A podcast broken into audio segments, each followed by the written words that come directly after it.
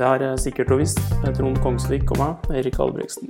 Vi har sykla opp fra teknologiens høyborg på Glasshaugen opp til NTNU sitt podkaststudio på den samfunnsvitenskapelige høyborgen på Dragvoll. Én med elektrisk kraft på sykkelen og én med muskelkraft. Vi har fått tilbake pusten, og vi er klar for en ny episode. Og ikke nok med oss, men vi har med oss en gjest i dag òg. Det er eh, professor emeritus Per Morten Skjeflo. Emeritus betyr vel at du er pensjonist, gjør ikke det, Per Morten? Ja, i hvert fall sånn delvis. delvis. Jeg kaller det emeritus gå på æret, vil jeg si. Akkurat, ja. Opphøyet og litt tilbaketrukket posisjon. Akkurat. Og du jo, har jo jobba innenfor sosiologifeltet. Og sosiologifeltet er jo en av mange fagfelt som òg er involvert i sikkerhet. Og det har jo du også vært, Per Morten. Uh, og nå er du jo aktuell med ei ny bok som kommer ganske snart. Uh, hva er tittelen på den boka? Den har en ganske sånn kjedelig tittel som heter 'Organisasjonsanalyse'. Men det er også mm. ganske dekkende for innholdet. Ja. Nei, og Det som er sentralt i den boka, er jo det som er kalt for Pentagon-modellen.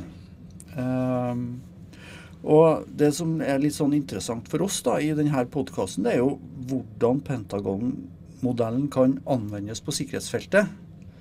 Eh, men eh, jeg vet ikke, du har jo jobba en god del med sikkerhet, du også. Det er jo en, en av dine mange spesialiteter, Per Morten. Eh, men aller først, kunne du ha sagt litt om hva Pentagon-modellen er for noe? Ja, dette er jo en, en analytisk modell. Og en analytisk modell den kan du bruke som retningsgivende for å samle inn data, altså hva du skal se etter. Mm. Og så kan du bruke den som et redskap for å kategorisere data, for å ordne det i meningsfulle grupper som det går an å forholde seg til på en systematisk måte. Mm. Og dette er jo en analysemodell som er utgangspunktet ganske generell, men som er særlig, særlig retta inn mot å forstå organisasjoner. Mm. Så den også kan ha et videre, et videre nedslagsfelt. Mm. Og så bygger det på det jeg kaller en helhetlig og systemisk forståelse. Så for enkelt sagt, eh, skal du forstå det som skjer i en organisasjon, enten det er sikkerhet eller andre ting, så må du på en måte ta hele organisasjonen i betraktning.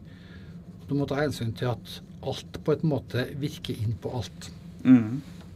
Det er det som heter systemperspektivet. Det det åpne systemperspektivet. Ja, det både, ja, det er et systemperspektiv. Du kan både se på noe som et lukka system, som, man så i gamle dager, eller du kan se på det som et åpent system. Men uansett så er det veldig mange forskjellige faktorer som spiller inn. Og, og hvis du spør f.eks. La, la, la oss si at du ser på uh, årsaker til en hendelse. Mm. Og så gjennomfører du intervjuer og granskninger, og så kommer du opp med ting at dette skyldtes regelverk eller manglende oppfylling av regelverk eller uklare, uklare ansvarsforhold. Eller mm. skyldtes sikkerhetskultur eller klima eller normer. Mm. Det skyldes dårlig kommunikasjon, manglende mm. samarbeid. Mm. Kan være det om ledelse, kanskje det om tillit. Kanskje man ikke hadde riktig utstyr, nok opplæring. Så veldig mange forskjellige tema. Mm. Det er jo ofte sånne tema som dukker opp det ofte. i granskinga. Ofte sånne tema. Og spørsmålet er hvordan skal du klare å håndtere en sånn mengde av ulike temaer på en si, systematisk måte? Og, og, da er min erfaring, og den, eh, det er jo primært basert på, egentlig på veldig mange års erfaring med veldig mange organisasjoner. Som du sa, er en emeritus, jeg har jobba med organisasjoner og organisasjonsstudier i nesten 50 år, hvis man går helt tilbake til, til studietida. Mm. Og, og, da samler man jo opp litt kunnskap etter hvert. Og hvis du samtidig har lest ganske mye bøker og artikler om organisasjon, mm. så, så, avtegner det seg etter hvert et mønster. Og, og, og det som er bakgrunnen for en, en pentagon da, En pentagon det er jo, det er jo en femkant. Ja. Det, det, det, det er jo et gammelt gresk ord, pentagone. En femkant det at du kan samle nesten alle de viktige egenskaper ved en organisasjon i fem hovedkategorier. Det er ikke glassklare skille mellom dem, men, men, du kan samle i fem hovedkategorier. Som du kan styre etter når du skal samle inn data, eller når du skal analysere data. Så hvis du f.eks. gjennomfører et intervju med en person eller personer, hva, hva var årsaken til dette her? Hva var det som skjedde, mm. osv. Så, ja. så kan du i etterkant sortere alle typer utsagn inn i disse hovedkategoriene. Som mm. igjen kan deles opp i underkategorier. Mm. Og Det er en tilnærming du kan bruke ikke for andre felt enn på, for organisasjoner, men, men, men, la oss nå holde oss til det. da. Mm. Eh, og De fem hovedkategoriene det, dette korresponderer jo også til de viktigste bidragene for organisasjonsteorien. Hvis du begynner også, også faktisk å, å, lese det gjennom og se hva snakker du om litt forskjellige ord. Mm. Og Den ene gruppen av sånne faktorer, eller variable, det dreier seg om det som ofte kaller organisasjon hermetegn. Altså formalia. Mm. Organisasjonskartet. Ansvar og myndighet. Mm. Regelverk. Fastlagte rutiner. Insentivsystemer. Uh, mm beslutningskriterier, alt sånt som på en måte ofte kaller organisasjon, og som mm. veldig mange er opptatt av. Så det du kan skrive ned eller tegne ja, opp? Eller? Ja, og, og beslutte. Det, altså, mm. det, det, det, du kan beslutte og vedta. Og det du ofte ser, så har en litt sånn digresjon, da.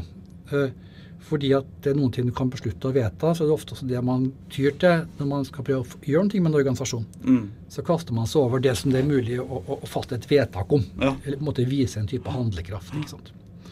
Så det er den ene gruppen, formalia. Jeg kaller det en formell struktur. Eh, og så har du en annen gruppe forhold som også kan vedtas. Mm. Og det er alt det som dreier seg om det materielle. Mm. Kaller teknologi. Mm. Og, og, teknologien det er jo alle maskiner, utstyr og redskaper du bruker. Enten det er, er sveiseutstyr eller sikkerhetsutstyr eller datamaskiner. Og så er det IT-systemene, eller den digitale infrastrukturen, som blir stadig viktigere. Mm. Og Den tredje gruppen går på det materielle, altså det vi kan kalle den fysiske infrastrukturen. Mm. F.eks. plassering i forhold til hverandre, mm. eh, geografiske avstander, tilgjengelighet osv. Mm. Og de, de store faktorene, strukturen og teknologien, eller det materielle, er på en måte det du kan vedta. Mm. Men så er det alt det som er litt vanskelig med organisasjoner. da. Eh, dette er jo sånn sett eh, håndterbart. Mm. Mm. Og det er jo alt det som vi kaller uformelle forhold, eller ting som du ikke kan vedta. Mm. Og da hadde vi en tre. Så det var fem kanter på en pentagon, så har vi tre igjen. Den ene dreier seg om det vi ofte kaller organisasjonskultur. Og på sikkerhetsfeltet så begynte man jo å snakke om sikkerhetskultur etter Tsjernobyl 1986. ikke sant? Men, mm. men man hadde snakka om kultur og organisasjoner en del før det også. Mm. Og, og kulturen i organisasjoner dreier seg jo om eh, hva som er lov, hva som ikke er lov. altså Normer. Det dreier seg om forventninger.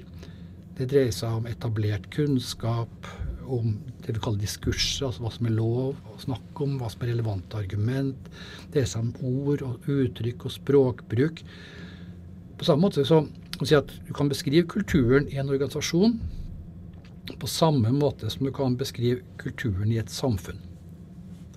Så En organisasjon kan være et slags sånn minisamfunn. Mm. Men det er klart at kulturen i organisasjonen er på en måte et, et lettere en lettere fenomen. altså Det er en annen, en annen orden. Litt mer flyktig, kanskje? Det er mer flyktig, ja. fordi at du vokser opp i et samfunn ikke sant, og blir en del av det samfunnets kultur fra dag én.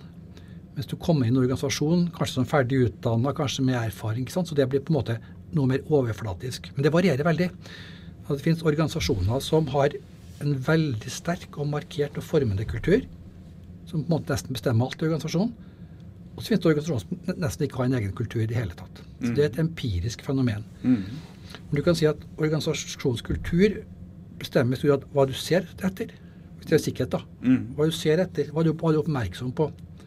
Uh, hva hvordan snakker du om sikkerhet? Hvilken mm. forståelse har du av det? Mm.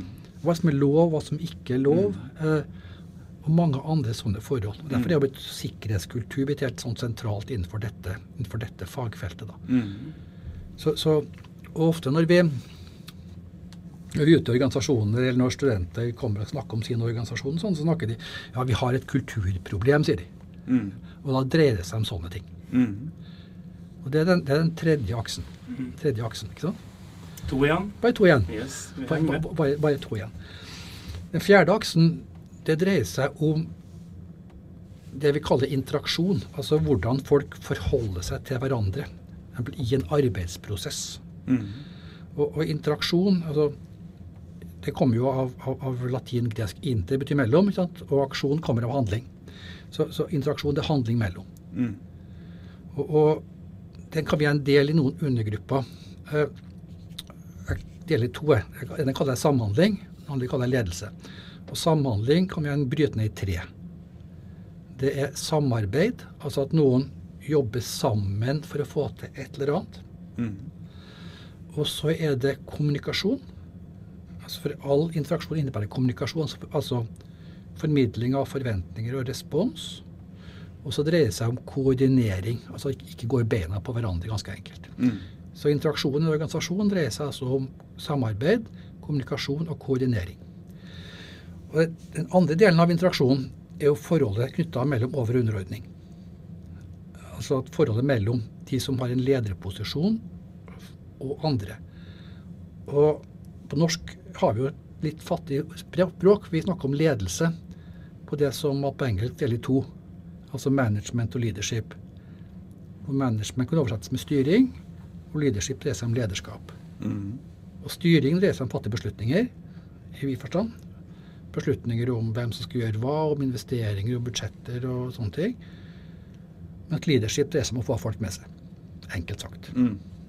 Så det er den fjerde aksen. Mm. dreier seg altså om samhandling og ledelse.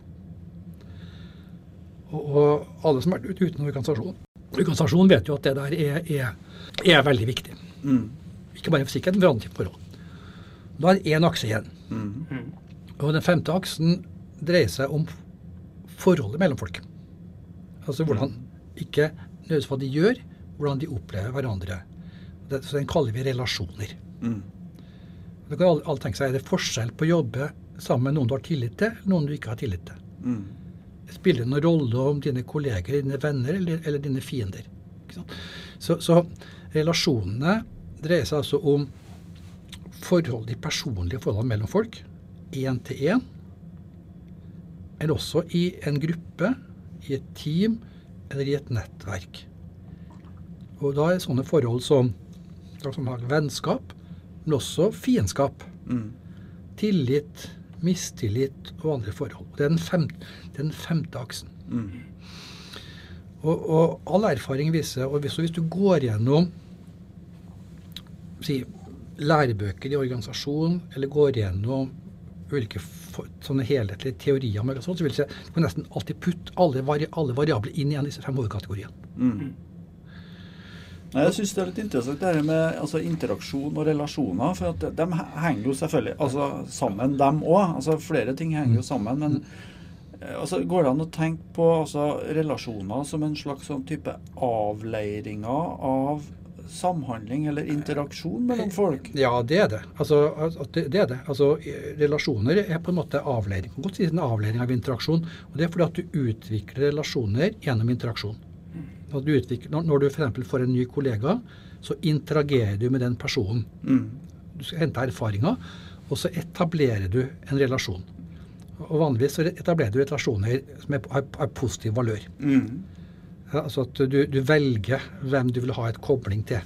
Hvem du vil snakke med, hvem du vil sitte sammen med i lunsjen, hvem du vil invitere på fest, eller hvem du vil gå ut sammen med. ikke sant? Mm. Uh, I privatlivet er det sånn. Men, men i en organisasjon så kan det også være at, at relasjoner er påtvunget. Mm. Altså at du f.eks. er nødt til å dele kontor med en person, eller nødt til å jobbe sammen med en person. ikke sant? Da kan også relasjonen være negativ. Mm. Men, men i hovedsak så regner vi at de vanligvis er valgt og positive. da. Ja. Og det kan du godt si at det, det avleirer interaksjon. Men det er også knytta til kultur. Ja. Fordi at du kan ja, altså interaksjon. Nei, relasjoner. Ja. Mm. både Mm. relasjon og interaksjon. Mm. Eh, Men tenk på relasjoner, da. Mm. Hvis du kommer inn som ny i en organisasjon, så kan du på en måte lære i kulturen at her er vi venner. Mm. Her, her bryr vi oss om hverandre, her hjelper vi hverandre, her deler vi på informasjon. ikke sant? Slik at det forventes av deg at du skal ha et godt forhold til kolleger. Mm. Men du kan også komme i en organisasjon hvor det motsatte er tilfellet. Mm. Altså Du kan komme i en organisasjon hvor du lærer at her er det best å holde kjeften sin, holde seg for seg sjøl, og ikke involvere seg med andre. ikke sant? Mm. Og så er, er det sånn selvforsterkende prosesser. Altså Hvis du har en kulturell forventning om at du skal utvikle relasjoner, og du utvikler relasjoner, så forsterker det igjen de kulturelle forventningene. Sånn at du kan få positive, eh, eller i og for seg også negative eh, spiraler i dette her. da. Mm. Men alt dette virker igjen sammen inn på interaksjon, så, de, heng, de henger veldig tett sammen. Ja, jeg ser det. De henger veldig tett sammen. Eh, men, men når du skal prøve å analysere et fenomen, så må du gjøre noen forenklinger. Mm. Du må, gjøre, du må gjøre noen forenklinger som sier at ok, hvor, hvor er nå utfordringen her? Er den i kom- kommunikasjonen, eller er den i mangelen på tillit, eller mangelen på kjennskap? Eller omvendt, hva er de sterke sidene i, i, i dette her? sant? Mm.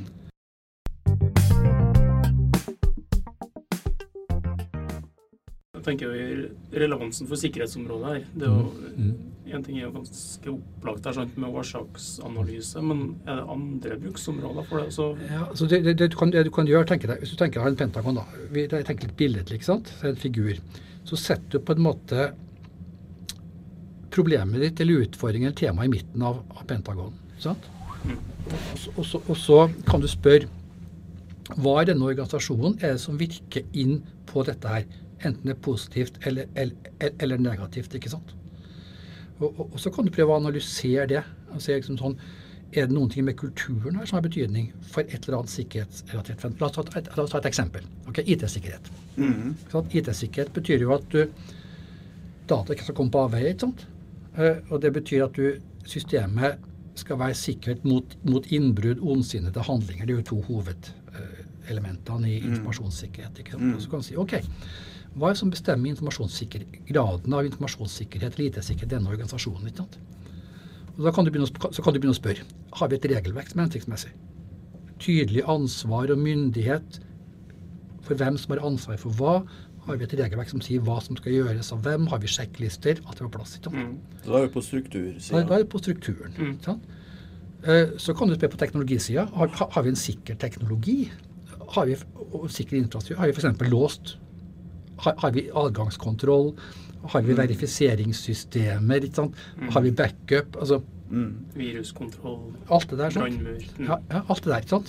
Men så kan du spørre hvordan tenker folk om IT-sikkerhet? Skjønner de hva det dreier seg om? Eh, hvor- hvor- aksepter, aksepteres uh, ulike typer atferd? F.eks. la oss nå si nå at, at du går fra PC-en din åpen, ikke sant? Eh, kommer det en kollega og sier men høy, Erik, pass på det der, ikke sant? Eller får, får du sier til vedkommende hold kjeften din og pass dine egne saker. ikke sant? Altså, Mm. Så det går på, det, går på det normative, altså hva som er akseptert og ikke akseptert. Mm. Men også hva folk skjønner og forstår. ikke sant? Mm. Og så har du på det, altså tilsvarende tilspann på de andre aksene. Skal si, hva, Spiller dette noen rolle for IT-sikkerheten? ikke sant? Og Da kan du bruke dette på tre måter. Du kan bruke den tanken på tre måter. Mm. Du kan bruke det for å se hvordan situasjonen i dag. Altså, Hva er våre sterke og svake sider når det gjelder IT-sikkerhet eller operasjonell sikkerhet, eller, eller hva det nå kan være. Som sånn. et forbedringsverktøy. Da. Ja. Mm. Som et forbedringsverktøy. Du kan si hva er sterke og svake sider, og hvor skal vi ta, ta, ta tak hen Mm. på dette her. sant? Er det på samarbeidet, er det på koordineringa, eller på kommunikasjon, eller på regelverk, eller på tankesett, eller hvor er det hen? ikke sant? Så kan du bruke det i ettertid. Altså hvis det nå skjer noe galt. Du kan si hva, hva var det som svikta her? Som et, mer som et granskningsverktøy? Granskning, eller, år, eller årsaksverktøy. Ikke sant? Altså, Hva var det som svikta her? Sånn? Og Da vil vi ofte finne at det er mange ting som svikter samtidig. Men, men, men at det, og at det er flerfaktorforklaringer. Men kan du gå det i historisk, altså hva, hva var årsaken til dette her? Sant? Var det svikt i kunnskap, svikt i rutiner, manglende oppfølging? Eh, var, var det fraværende ledelse? Var det dårlig koordinering? Manglende kommunikasjon? Eh, Så kan du, så kan du bruke det som en, et sånt historisk eller for, forståen som har skjedd. Og så kan du bytte det fremover. Mm. La oss nå si at nå skal vi installere et nytt utstyr hos oss. Hvordan skal vi sikre oss at dette blir operert på en trygg måte? Hvilke krav stiller det til regelverket vårt? Til ansvar, fordeling av ansvar og myndighet. Til er arbeidsrutiner. Det. Til tankesett, til forståelse, til språkbruk, til kommunikasjon. Så kan du bruke det for, som en, for utvikling for kravspesifikasjon. F.eks. i en endringsprosess. Da. Så du kan så poenget er at du bruker si, samme begrepsapparat, samme tankesett, om du er i fortid, nåtid eller fremtid. ikke sant? Mm. Så, så Det er også et annet poeng her at du kan bruke den måten å tenke på, du kan, den er skalerbar. Altså Du kan bruke den hvis du sitter i en, en liten gruppe som jobber sammen, så kan du bruke metodikken for å studere hvordan fungerer nå denne gruppen på 5 eller 10 eller 15 stykker. ikke sant? Mm. Du kan bruke det på en avdeling med 100, eller på et system med 1000.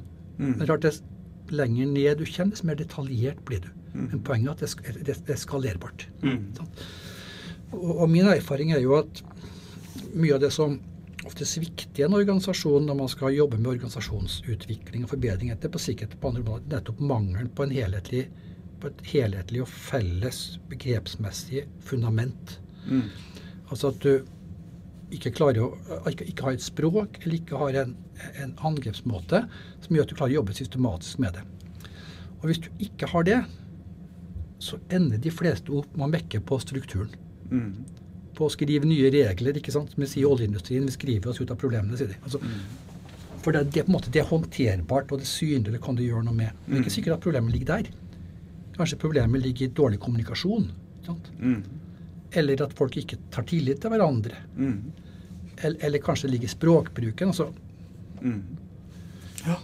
Hvordan, hvordan eh, bruker man det her i praksis? Også det er en kjempeomfattende analyse. Du sier at den kan skaleres ned. Finnes det en sjekkliste eller må er det et tankesett? Hva er det verktøyet? det, det, det er på en måte et tankesett, og så kan du lage sjekklister. Det må, være litt, de må på en måte være litt, litt, litt spesifikt. Da. Men min erfaring er at de kan, det kan egentlig være ganske enkelt. Mm. Altså at, eh, for Det er mange, massevis av studenter som har brukt dette her på sine prosjektoppgaver og masteroppgaver. og sånne ting, og Det trenger ikke være så veldig omfattende, men det kan også være, gjøres veldig, veldig omfattende. Det er også skalerbart i, i, i sånn størrelse. Eh, og jeg har jo erfaring med å jobbe for med, led, med en ledergruppe som setter seg ned. Det kunne komme langt på en dag. ikke sant? Altså, for, for Poenget er at du må prøve å kanalisere så tankesettet ditt og i, i på en måte i en, i en konstruktiv, analytisk retning. ikke sant?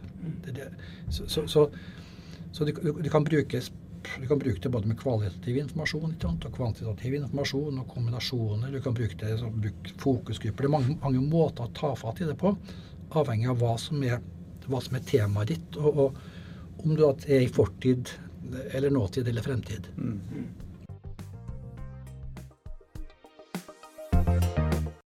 Nei, Det er jo mange eksempler på bruken av Pentagon-modellen etter hvert. og det er jo Jeg har jo brukt den sjøl i forbindelse med oppdragsforskning. Da hadde veldig bra nytte av det. Det er jo mer sånn nåtidsanalyse da, av sikkerhetstilstand i en, eh, i en bedrift, f.eks. Og så vet vi jo eh, at eh, Snorre A-hendelsen, som skjedde tilbake i 2004, var det vel? 2004. Eh, Der man fikk en eh, utblåsning som kunne ha ført til den verste katastrofen på norsk sokkel noensinne. Eh, skjedd, og da det ble granskninger etterpå, der bl.a. Pentagon-modellen ble brukt eh, for å på en måte analysere årsaker til at denne hendelsen eh, skjedde. Eh, vi trenger kanskje ikke å gå veldig nøye inn på, på akkurat Pentagon-modellen og resultatene fra den analysen der, men vi kan jo legge ut en link til en artikkel som er skrevet rundt, rundt bruken av Pentagon-analysen. Trenger ikke å gå inn på resultatene, som du sier, men sånn som Petroleumstilsynet hadde jo sin granskning av den uh, hendelsen. Altså hvordan, på hvilken måte var Pentagon-analysen annerledes enn Ja. den klassiske tilnærminga til Petroleumstilsynet? Du vet at, at eh, sånn som Petroleumstilsynet og andre gjør når de kaller en gransking, så er det hva var det som skjedde. Mm. På en måte en sånn tidsrekkefølge. Så skjedde det, så skjedde det, så skjedde det. Og så leter jeg etter hvilke regler som ikke var fulgt. ikke sant? Og i den Snorre-saken så fant jo 21 brudd, eller 22 brudd på styrende dokumentasjon. Og da sa Petil til Statoil, som da var operatør for Snorre, forklare oss hvorfor dette her skjedde. Én ting er jo å påpeke disse regelbruddene og, og svakhetene, men andre er å forklare hvorfor. Og Da var jo jeg som ikke hadde, hadde hovedansvaret for det for vegne av Statoil, da, sammen med folk fra Statoil. Det er første gang den modellen ble brukt. For da var den utvikla litt over tid. Og, og etter hvert som vi jobba med Snorre, så fant vi at vi kunne, vi kunne dytte disse forskjellige forklaringsfaktorene inn i dette systemet. Og, og, da, og da gikk på en måte puslespillet opp. Det var liksom bit etter bit. Og så fant vi at Snorre var en organisasjon som sikkerhetsmessig har blitt svekka. Lavere resiliens, skal vi komme til skal si nå. ikke sant? Sånn at når det først ble gjort en liten tabbe, så forplanta den seg gjennom hele systemet. Og Da fant vi svakheter i snororganisasjonen langs alle disse aksene. Disse aksene. Og det var da rammen om den årsaksanalysen da, som eh, da senere gikk som rapport til Petil fra Statoil, og som også ble brukt veldig mye internt i Statoil. da, Mm. på, på, og for, på, en måte med å forbedre både på teknologi og struktur og ledelse og relasjoner. De gikk veldig, veldig bredt ut et, etter dette her. da. Mm. Og noe av det interessante der var jo at vi presenterte jo dette her i, øh, i forskjellige fora, foredrag og på annet vis i mange deler av Statoil-systemet, men også i snororganisasjonen. Og da skjønte jeg jo at dette fungerer veldig godt pedagogisk. Altså Folk, folk skjønte, og, og, de kjente, kjent seg igjen. ikke sant? Så, så vi måtte demonstrert anvendbarheten av denne måten å tenke på. da. Mm.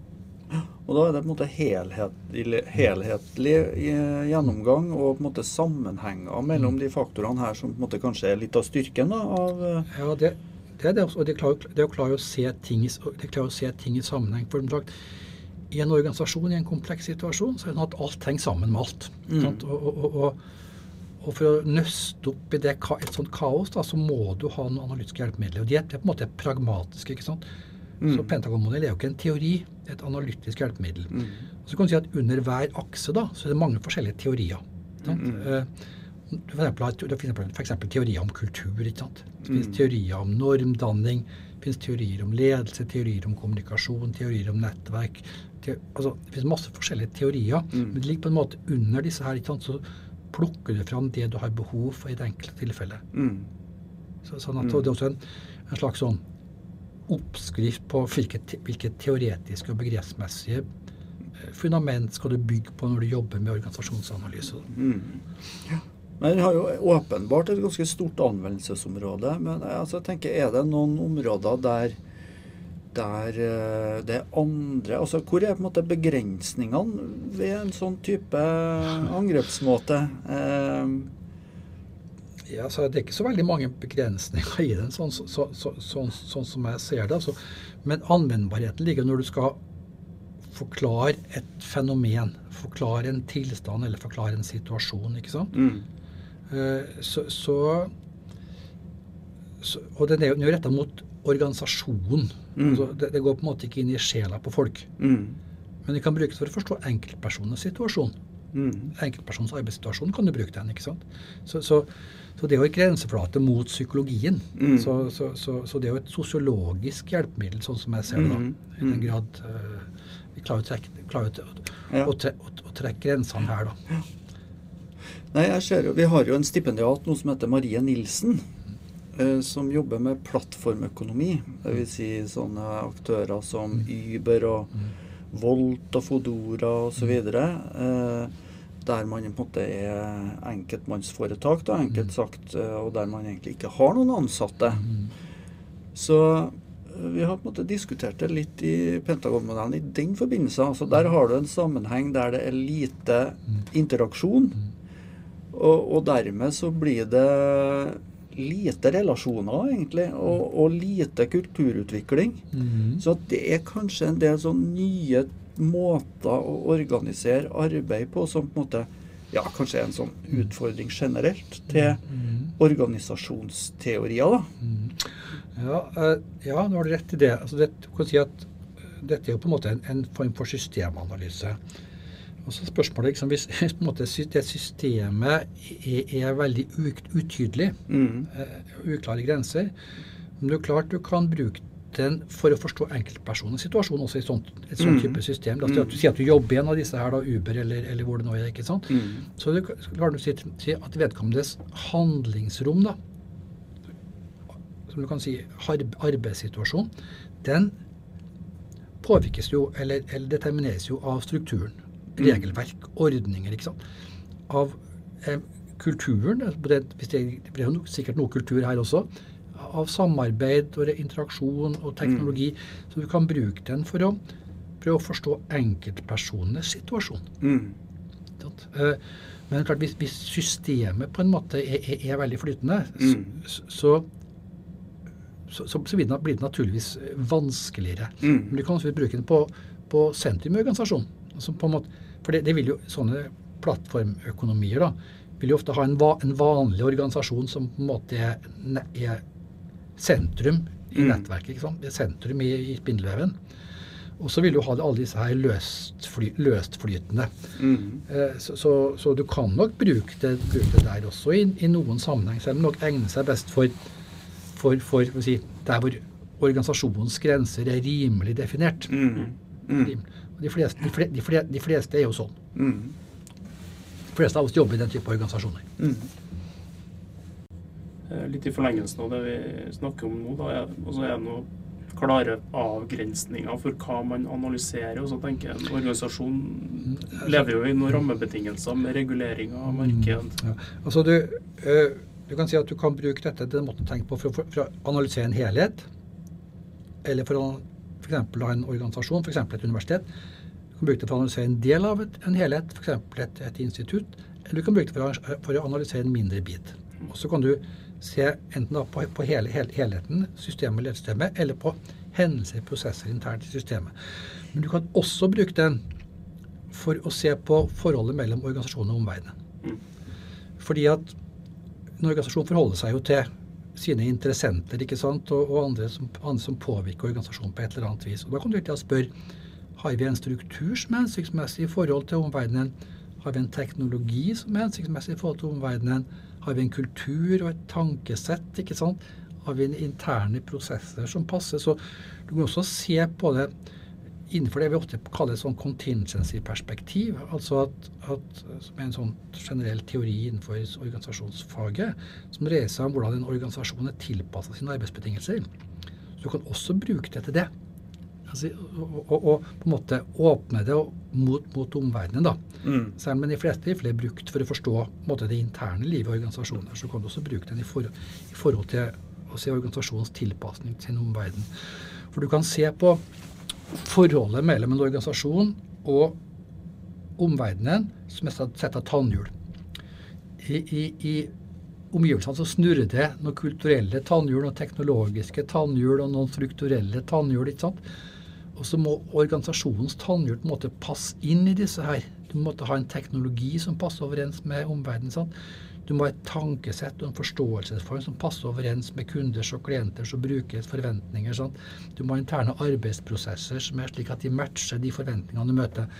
Så, så, så du kan også se på dette som, som de tannhjulene som må på en måte passe inn, eller settet av tannhjul, som, som, passer inn. Og alle som, i hvert fall folk som har gått på Gløshaugen, de vet jo at hvis du, altså De kreftene som driver de ytre tannhjulene, er sterkere enn de indre.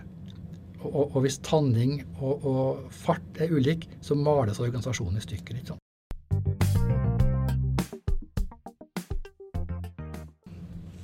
Yes. Eh, nei, men da har vi jo sett litt på sjølve modellen. Mm. Og, men kanskje vi skal si litt om, uh, høre litt om boka til slutt? Altså, ja. Kan du si litt om den? Oppbygginga og innhold osv.? Ja.